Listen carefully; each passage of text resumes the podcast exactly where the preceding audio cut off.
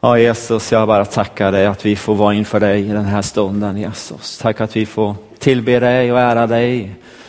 Lovprisa dig för att du är på tronen. Du är den högste, du är den helige. Tack att vi får bara få vara i din närhet så här Jesus. Vi tackar dig. Tack för livet som du har gett oss Jesus. Tack för frälsningen. Tack att vi får vara dina barn Jesus. Av bara nåd allting Jesus. Vi tackar dig i Jesu namn, i Jesu namn. Amen. Amen. Amen. För den här världens skull sjöng vi precis och det är temat på årets Nyhemsvecka är just det här temat, för den här världens skull. Och det är en konferens som ligger utanför Mullsjö. Börja nästa, nästa helg så har du möjlighet och vara med, så var med där så mycket som möjligt. Det kommer väldigt bli väldigt intressant och spännande. Varmt och skönt är det, eller? Tyvärr kan vi inte kabba ner. Skulle ett gott känner jag just nu. Men, men, det är för gott att vara tillsammans så här och få läsa Guds ord. Eh, om vi lägger upp första bilden där Hugo. Jesus i världen är ju temat den här månaden. Vi har ju Jesus i hjärtat, Jesus i hemmet, Jesus i världen. Och eh, den här månaden är ju världen som sagt var. Jag har satt som rubrik på det här jag ska säga ordet, kort och gott ordet. Och det här med Jesus i världen, det blir väl lite hoppigt om man nu ska tänka utifrån de här temana.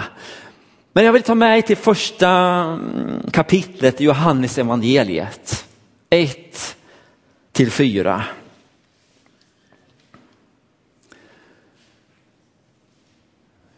Ska vi se här om det händer någonting där ja. Johannes evangeliet 1, 1 4. Och det är fjärde boken i Nya Testamentet. Matteus, Markus, Lukas och Johannes om du inte riktigt känner till bibelböckerna där. Och vi läser där. I begynnelsen var ordet och ordet var hos Gud. Och ordet var Gud. Han var i begynnelsen hos Gud.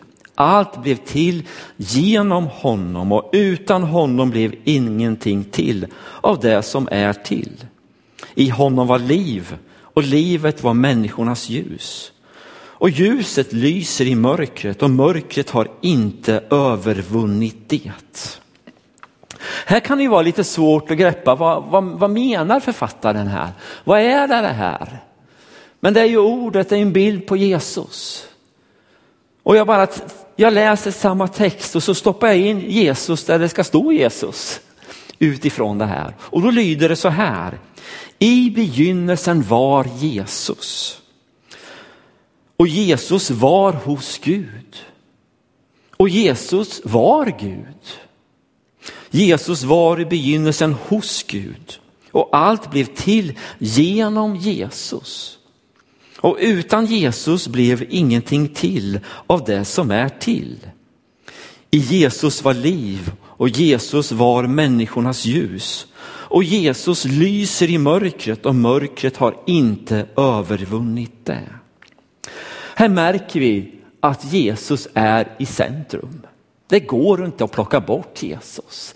Det har jag sagt flera gånger, jag kommer säkert säga det flera gånger också. Jesus är så viktig. han är allt för oss. Och det är utifrån det här bibelordet så bara kan man verkligen stryka under. Jesus är ordet. Jesus är Guds ord. Det är där det står. Och kraften i det här med, med, men ordet är spännande. Vi kan gå till första Mosebok och så kan vi läsa där att Gud sa och det bara blev. Han sa flera gånger olika saker och från ingenting så bara poff så finns det där. Jag tänkte jag skulle läsa vers 16 och 17 där, första Mosebok 1.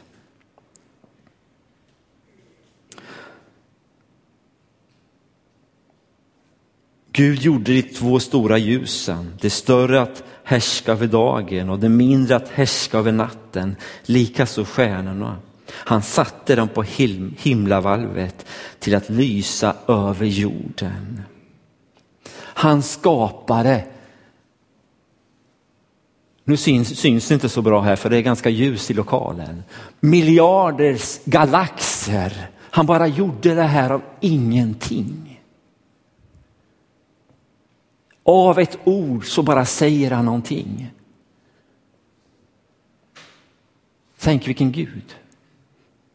Han säger en flygel, det finns ingen flygel, men det finns en när han har sagt det. Av ingenting så bara står en flygel. Det är bara en liten sak. Här säger Gud och hela universum skapas utifrån hans tanke. Så här vill jag forma och så säger han, bli det här. Skap, det här ska skapas och det bara blir. Och här är det viktigt att vi inte förminskar Gud utan Gud får vara Gud. Det är så väldigt lätt i vår värld, i, i mitt sammanhang att man plockar ner Gud. Men låt Gud vara Gud.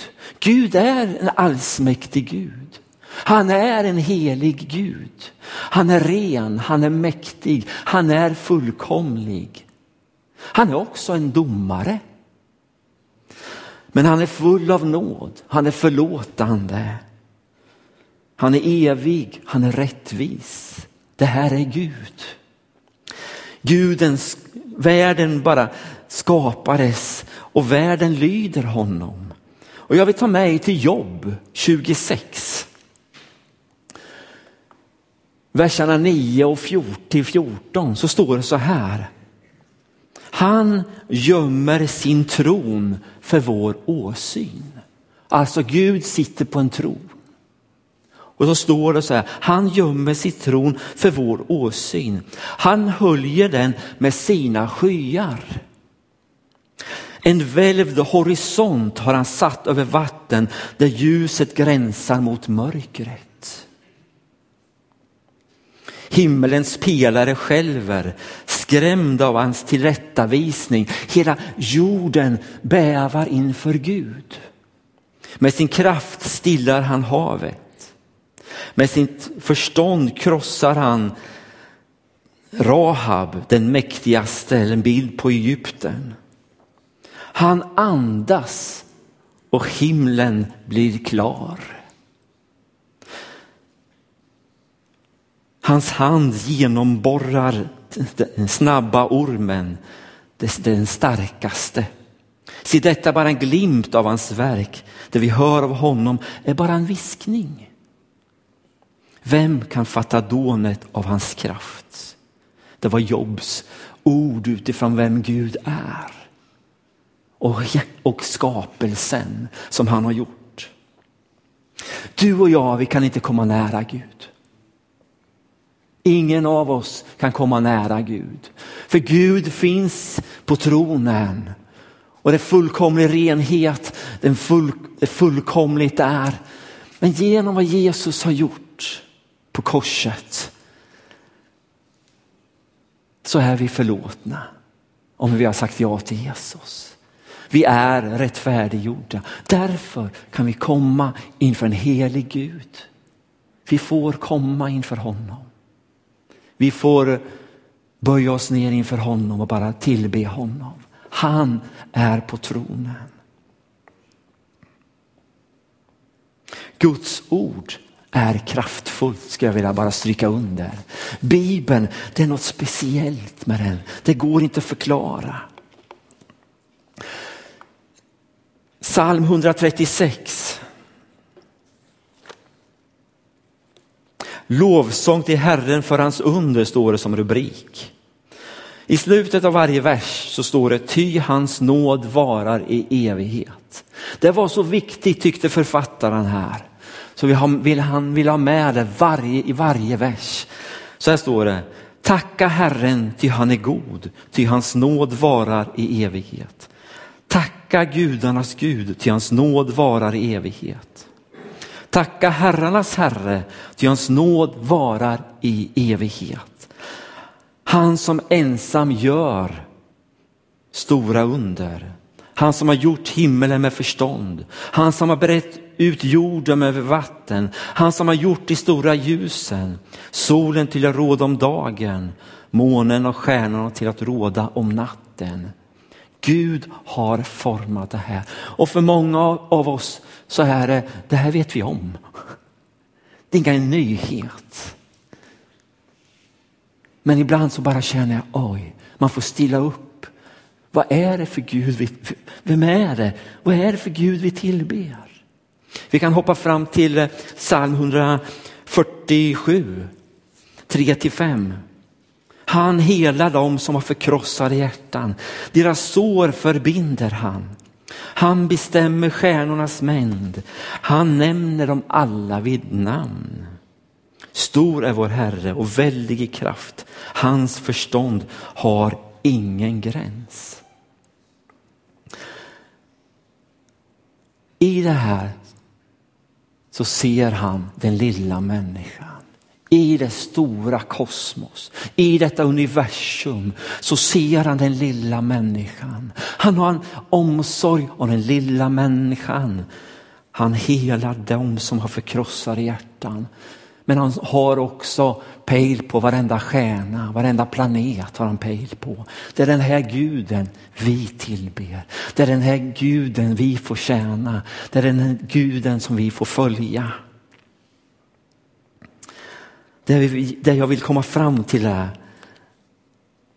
det här med Bibeln, ordet, att vi förstår hur viktigt Guds ord är. Mitt i vardagen där vi finns.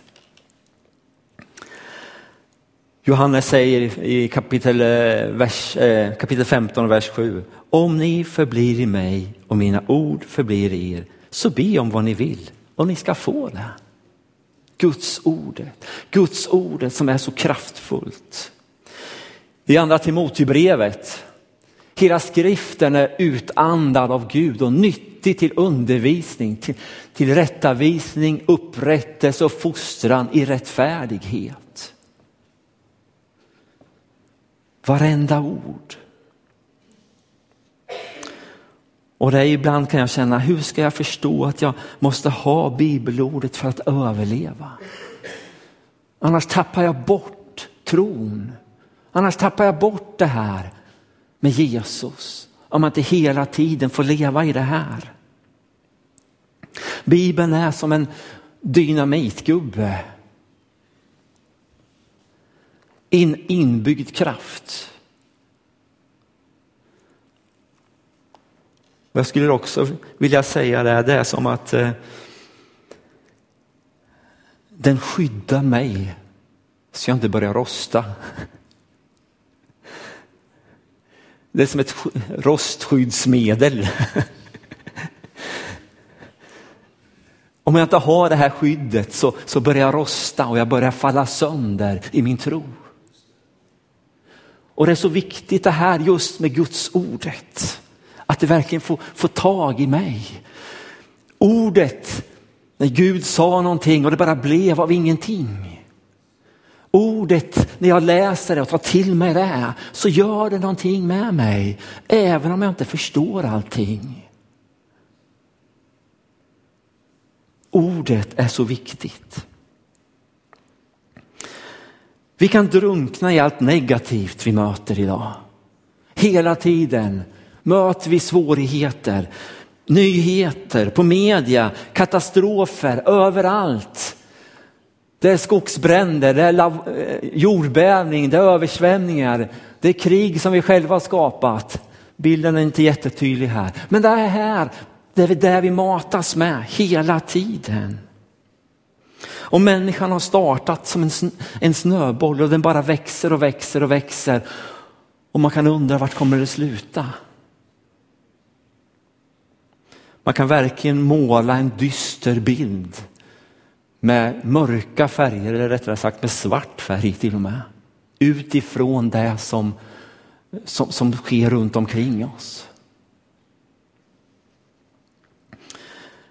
Och vi kan drunkna i allt detta. Allt detta negativa. I det här så kan vi tappa tron på Gud, på Jesus. Han kan nog inte förändra situationen. Det är som det är. Det är ingen idé. Vi bombarderas med otro skulle jag vilja säga. I denna ström av det negativa så det är lätt att börja tänka mänskligt. Det är lätt att börja tänka mänskligt. Det är ingen idé. Varför ska jag be för sjuka? Det händer ju ingenting. Varför ska jag offra? Varför ska jag gå till kyrkan? Det är ingen som är intresserad av det här. Och hela tiden kan man matas med olika saker. Och helt plötsligt så, ja, oh, det är nog inte någon idé med någonting. Men vi ska inte tänka mänskligt. Vad är det du säger? Jo, jag säger vi ska inte tänka mänskligt. Vi ska tänka som Bibeln tänker. Att allt är möjligt för det är Jesus som vi följer. Det är honom vi följer, ingen annan. Vad säger Bibeln om framtiden? Ja, lyft blicken och se på Jesus. Det är han som är segraren. Det är han som har facit i sin hand. Han vet vad som kommer hända. Jag är med er, var inte oroliga. Jag har lovat att jag ska vara med er, säger han. Här nere på jorden, ja, det är ett kort liv. Men evigheten, det är för evigt. Det är där det stora livet är, tror jag att han skulle säga. Och det säger ju Bibeln. Men vi lever här och vi ska leva här. Det är helt naturligt.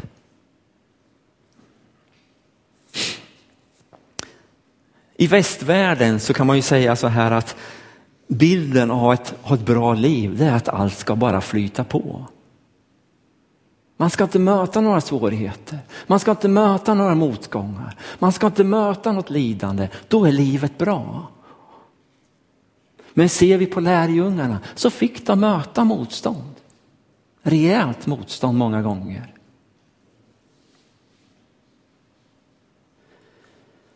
Och det här krockar många gånger med vårt sätt att tänka. Kom jag hem från affären och öppnar e- ett digestivpaket och kexen är trasiga. Jag går ju i taket. Jag har inte tappat det. Det måste vara affären som har gjort det. Jag kommer aldrig handla där mer. Och så är den dagen förstörd.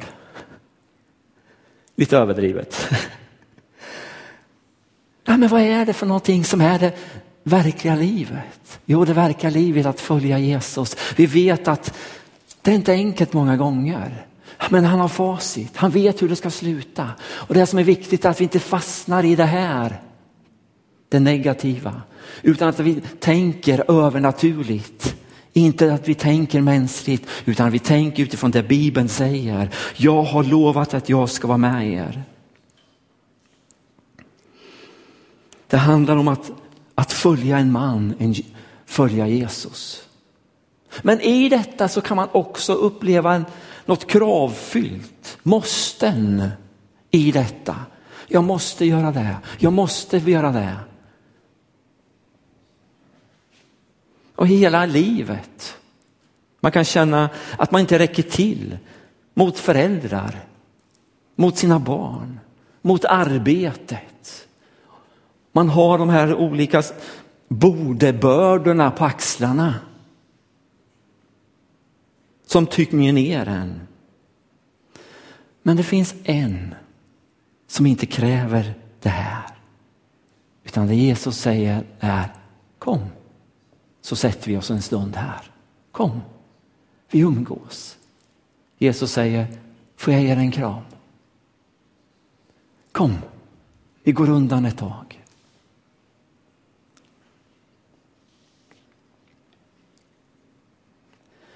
Och eh, den här närheten är så viktig. Och i den här närheten så märker jag att jag är älskad av Jesus.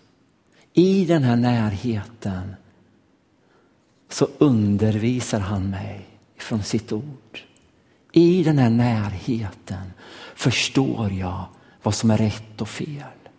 Då förstår jag vad jag ska göra. Då förstår jag hur jag ska bemöta människor. Då förstår jag vad synd är. Då förstår jag vad rättfärdighet är. Då förstår jag att jag behöver bli kvar nära Jesus. I det här, i den här närheten. Jag har börjat. Jag har långt kvar att gå skulle jag väl säga om mig själv. I den här gemenskapen, i den här närheten till Jesus. Men han avväpnar alla måsten. Men i närheten så blir det inte ett måste utan blir en förmån att få öppna den här bibeln. Det blir en förmån att ta en stund tillsammans med Jesus i bön. Och ju mer jag, ju mer jag eh, lever nära i den här närheten så förstår jag hur viktig den här boken är. Utan den så vet jag inte var jag skulle ha varit idag. Utifrån allt man möter, svårigheter, utmaningar i livet. Vi blir utmanade av den också skulle jag vilja säga. Att ta ansvar för andras människors liv. Hur jag inte ska tappa bort fokus på Jesus. Det visar Bibeln också skulle jag vilja säga. När allt stormar omkring mig. Inget av detta kommer som ett tvång eller som ett krav. Utan helt plötsligt så vill jag bara göra det här. Hur det kommer gå det vet jag inte. Att följa Jesus, att lita på honom, lämna över saker till honom. Hur det slutar, ja det är bara att gå och följa honom. Men jag vet att han är med mig. Jag ska ta ett exempel här idag. Ett vittnesbörd från mig själv. Det handlar om Conny. Jag kunde inte i min fantasi drömma om att jag skulle göra det som jag gjorde. Men genom att leva nära Jesus så, så, så hamnar jag i den här situationen. Utifrån bibelordet som säger att alla människor är viktiga och värdefulla. Och där står Conny mitt framför mig. Idag ser jag att det var Jesus som ställde Conny framför mig. Det var lätt, det är lätt som sagt att se i backspegeln. Men när man står där man står just nu så vet man inte hur det kommer sluta. Och det här är ett exempel, det är absolut inget skryt utan det är bara ett exempel. Conny.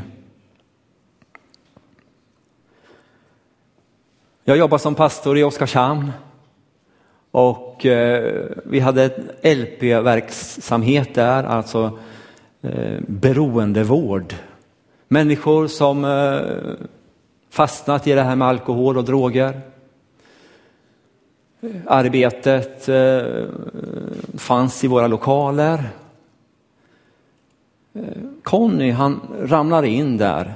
Vi hade en anställd där som dessutom kommunen betalade det mesta av, så det var ju väldigt förmånligt.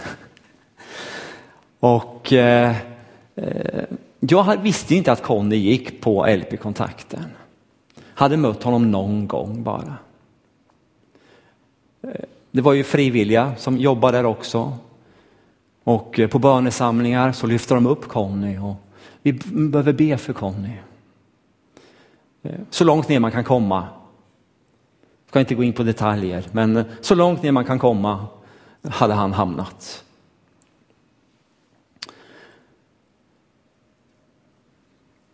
Ibland kunde han komma in och bara sätta sig i kyrksalen och sitta där, märkte jag. Sådär. Jaha, sitter du här? Ja, men det är så lugnt och skönt här, sa han bara.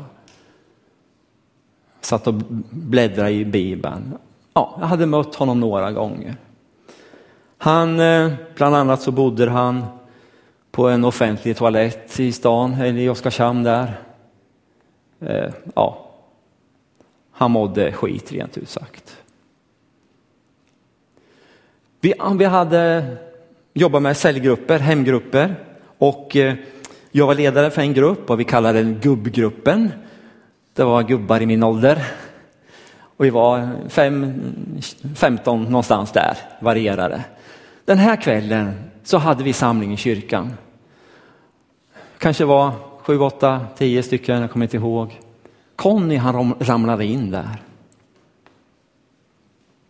Får jag vara med? Ja visst, sa jag, självklart. vi samtalade där i gänget och vi pratade om olika saker. Eh, Conny kommenterar lite grann och sen när vi skulle gå hem så, så säger Conny, jag har ingenstans att bo. Kan jag få bo hos någon av er? Då blev det tyst. Man tittar runt och folk eh, skakar på huvudet. Nej, men det går inte och det funkar inte. Och, eh, och då kände jag, hur ska jag göra nu? Conny har jag träffat ett par gånger. Jag vet inte vem han är egentligen. Hur han är. Han var känd av polisen, han hade suttit i fängelse och många, många bitar. Men så bara kände jag att, amen, vad är det jag står och predikar om? Vad är det jag står och talar om? Vad säger bibelordet? Så jag ringde hem till Anneli och frågade. Tre tjejer har vi ju och de var yngre då såklart. Och eh, så jag ringde och frågade Anneli, vad jag gör jag? Ja, men ta hem honom. Så jag sa till Conny, du får följa med hem och sova hos oss. Han bodde några veckor, några månader, jag kommer inte ihåg riktigt, hos oss. Han blev vår glädje, frustration med mera. Han kom efter han hade flyttat till ett annat ställe, så kunde han dyka upp när som helst. Ja, Conny var Conny. Ibland kunde telefonen ringa på natten. Du, det gäller Conny, kan du komma? Ja, visst. Att bryta ett gammalt mönster, det är inte lätt. Att bryta någonting. Folk reagerade. Hur vågar ni ha honom boendes hos er? Hur vågar ni? Han är ju en sådan. Utifrån det här så fick vi kontakt med hans fru, vi fick kontakt med hans barn också varefter. Och eh, för att spola fram bandet, så den dagen då jag gick ner med Conny i dopgraven, det var fest. Det var en högtid då. Veckorna gick, poliserna började undra, vad är det med dig Conny? så fick han berätta. Han var en sån som kunde skrika över hela torget när man kom och gick. Han var inte tyst om detta med Jesus. Alla visste att han tillhörde Jesus. Han blev som en familjemedlem hos oss. Felicia, vår yngsta tjej. Conny hade ju barn men ja, detaljer gjorde att eh, de träffades inte. Men eh, han fick vara i vår familj och möta våra tjejer och umgås med dem. Så när vi, Anneli och jag, skulle iväg på någonting och det var något som behövde göras, någonting, ja men det kan Conny komma och hjälpa mig med. Och när, han, när hon visste att han skulle komma så visste, han, visste hon också, då lagade han mat åt mig. Han var jätteduktig på att laga mat.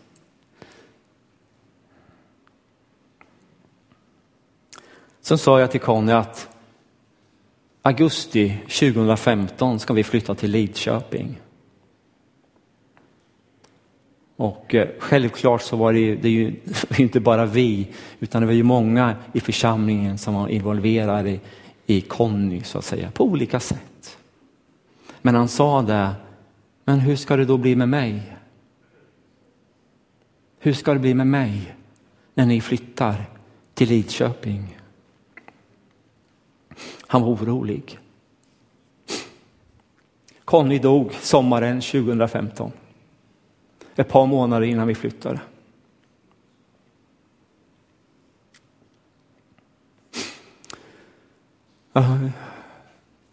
På begravningen så var vi ett stort gäng från kyrkan som åkte iväg. Och det var ju hans släktingar, familj självklart. Ställer sig sonen upp och håller tal. Och så säger han, först vill jag tacka Pingstkyrkan som har tagit hand om min pappa. Som att han fick ett värdigt liv i slutet. Och då kände jag, det här är församling på allvar. Det här är församling. Det här är bara ett exempel. Jag vet att ni gör oerhört mycket. När ni möter människor på olika sätt, i olika sammanhang. Ni gör mycket. Det här är församlingen. Men vart började det? Jo, det började med att sitta nära Jesus. Att lära sig och förstå att alla är lika mycket värda. Det är ett lätt ord att säga att alla är lika mycket värda. Men ibland undrar jag om vi menar det när vi säger det. För jag mötte det många gånger av kristna. Amen. Hur, hur kan ni göra så här mot Conny? Han är ju en sådan. Han var dömd redan. Och här är det viktigt att se. Bibeln säger klart och tydligt. Jesus säger Johannes 3.16, ty så älskar Gud världen. Jesus älskar alla människor. Det här som sagt var, det är inget jag skryter med utan det här är bara en, en, ett exempel. Och det får vi ta med oss. Du har dina exempel och jag vet som sagt var, vi gör olika saker. I Jesu närhet. Nej. I Jesu närhet lär man sig vad som är rätt och fel. När man umgås med Jesus, när man lever nära honom, så lär man sig det, att ta tid tillsammans. Att stilla ner sig en liten stund varje dag. Snart kommer eh, mötesvärdarna här och dela ut två saker till er var. Det ena är en sådan lapp. Du kanske har en sån, personlig andakt, PA som jag brukar förkorta. Och det, det är bara några punkter på det här. Enkelt, som kan vara till hjälp om man inte är van. Vissa av er är vana att läsa Bibeln och be. Men är man inte van så kan man bra ha någonting. Okej, okay. ja, be en kort bön att den helige ande ska vara med och leda dig. Ja, helige ande var med den här stunden. Mm. Läs bibeltexten två gånger, att fundera över när du läser. Är det något speciellt du fastnat för? Stryk gärna under det.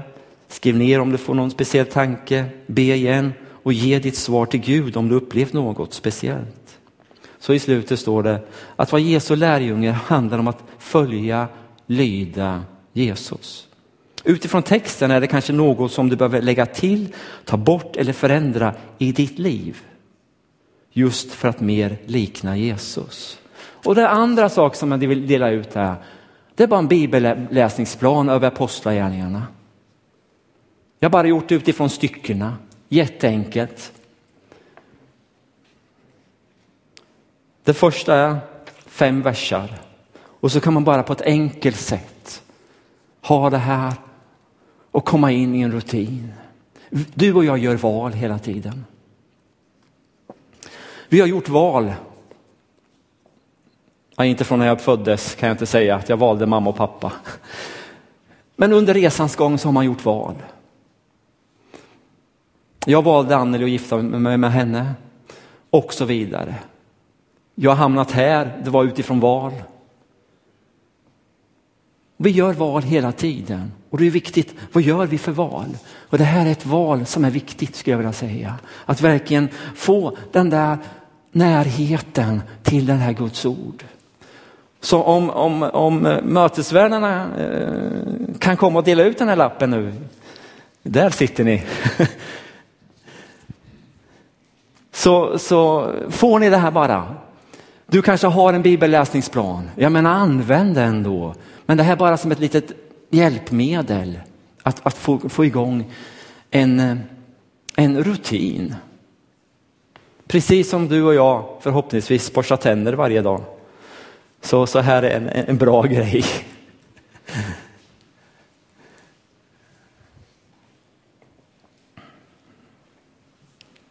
Bibeln, som jag sa, det är som en dynamitgubbe.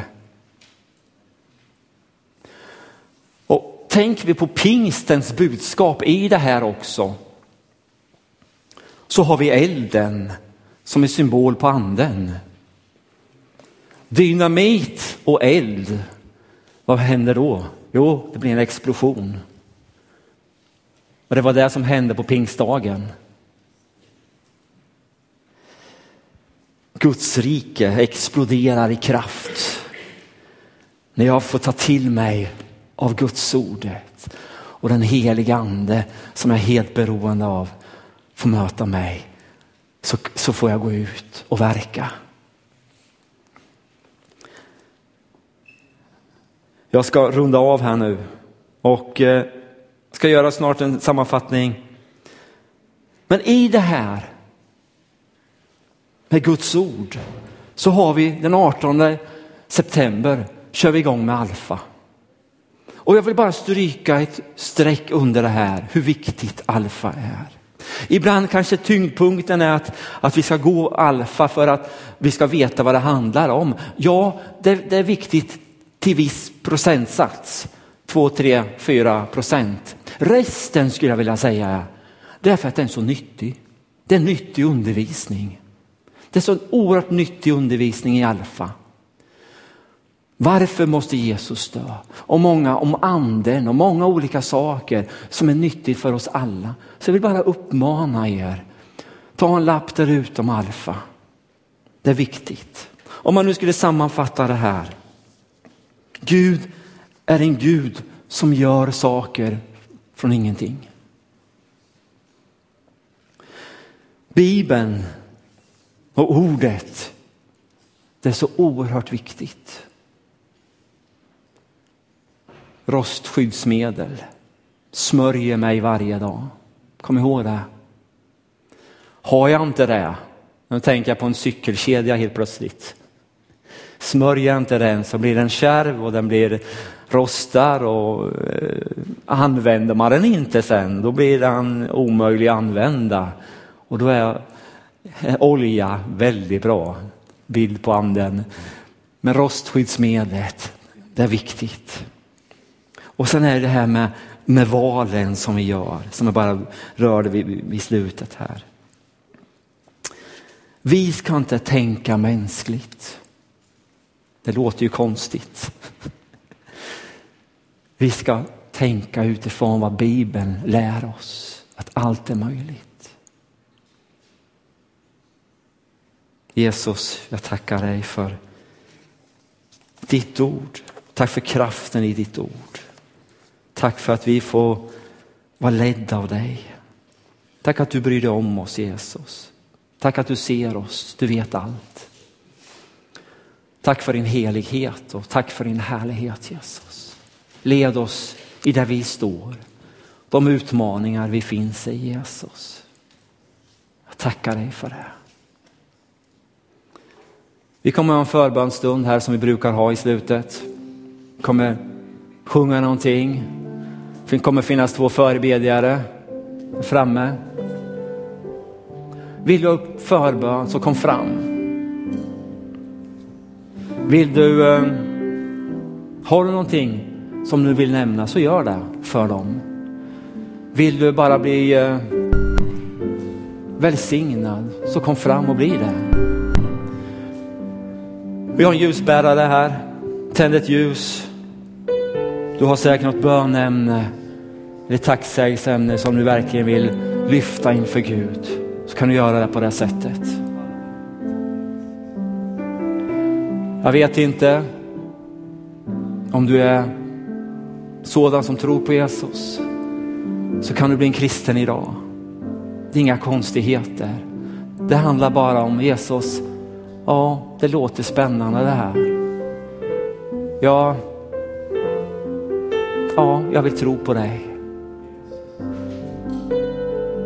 Säger du de orden så är du en kristen.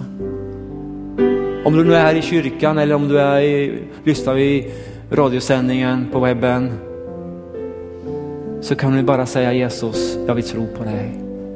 Så är du Guds barn. Jag skulle väl också uppmana dig att ta kontakt med någon kyrka. Ta kontakt med oss här i kyrkan, i Pingkyrkan i Lidköping. Eller kom fram till mig efteråt. Så får vi vägleda dig mera vad det handlar om att bli en Jesu lärjunge. Vi tar en